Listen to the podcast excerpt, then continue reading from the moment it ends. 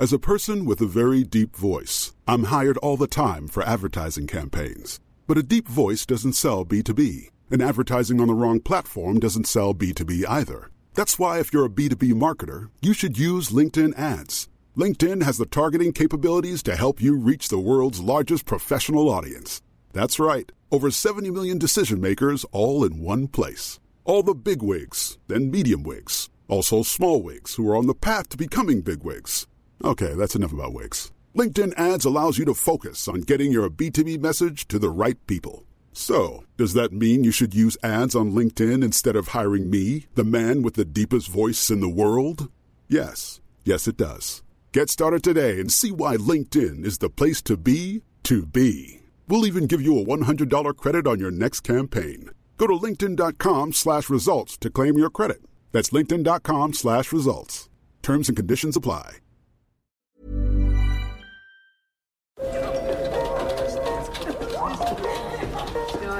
Dette er lyden av norsk næringsliv. Akkurat nå tas det små og store valg som kan bli avgjørende for fremtiden. Med økonomisystemet X-Leger tas disse beslutningene basert på informasjon i sanntid, slik at drømmer og ambisjoner kan bli virkelighet. Få kontroll og oversikt, gå inn på xledger.no. Denne sendingen er sponset av Xleger.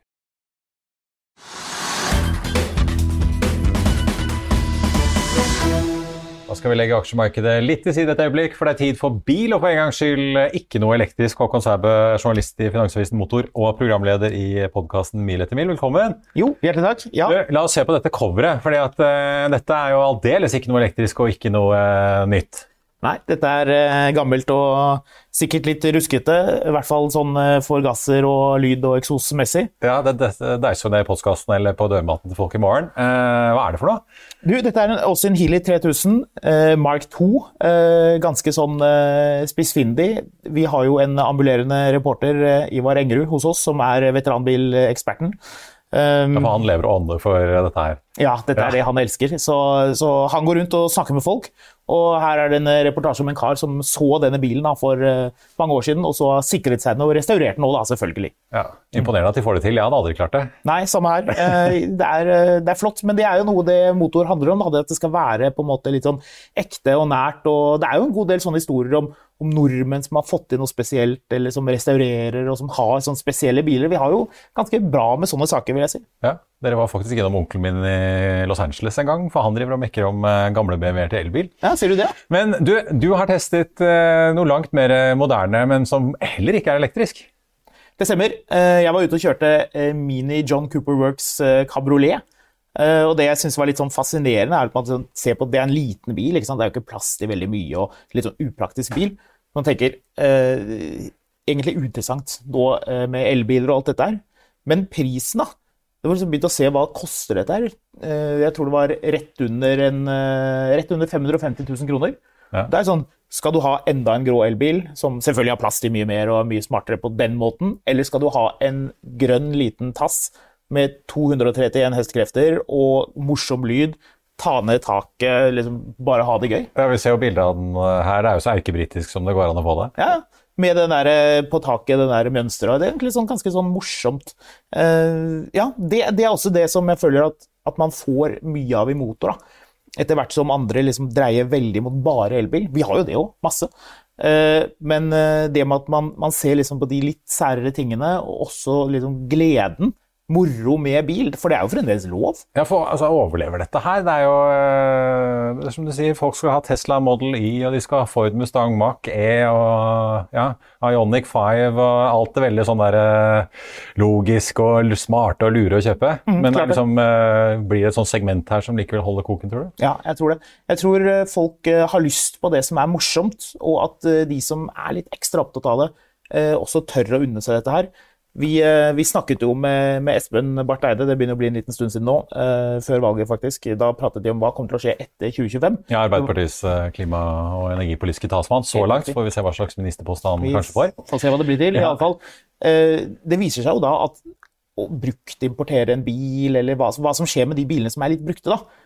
Er jo ikke sikkert at det er helt umulig å få til noe med de også i 2025, og det blir jo ikke ulovlig å bruke de. Det ser i hvert fall ikke slik ut. Så ja, jeg tenker eh, man må jo bare kose seg med det. Også sånn som den gamle Austin. Og, ja. Ja. Du, eh, til slutt er eh, Vi skal snike inn litt elbil, da, fordi det er en ganske symbolsk eh, og kjent produsent som vanligvis holder seg til kraftige saker med tolv sylindere, som har sagt at de også kaster seg på nå. ja Rolls-Royce med en ny modell, Spectre. Vet ikke om det er eh, helt tilfeldig at de kom med den eh, modellen eh, omtrent samtidig som James Bond-filmen. Det var jo en James Bond-film som het som hadde det samme navnet. Så det er jo noen Det er jo kanskje noe frempek der. I hvert fall den nye elbilen til Rolls-Royce kommer De sier Q4 2023, så det er jo ikke helt ennå. Og bildene er litt sånn Ja, hva er egentlig dette her?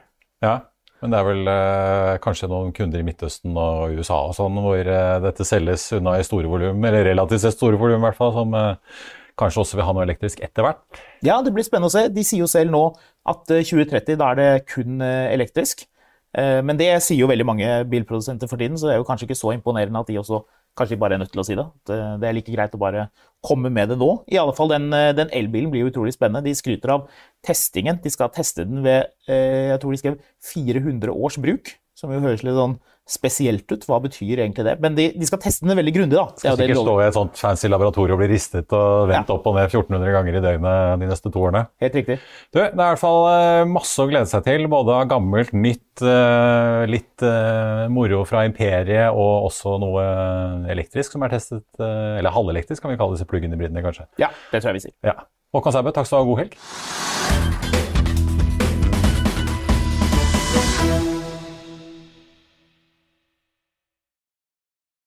Denne sendingen er sponset av Xleger. Økonominyhetene er en podkast og videoproduksjon fra Finansavisen. Programleder er Marius Lorentzen. Aksjekommentator er Karl Johan Molnes. Produsent er Bashar Johar. Podkast- og videoansvarlig er Marius Mørk Larsen. Og ansvarlig redaktør er Trygve Hegnar.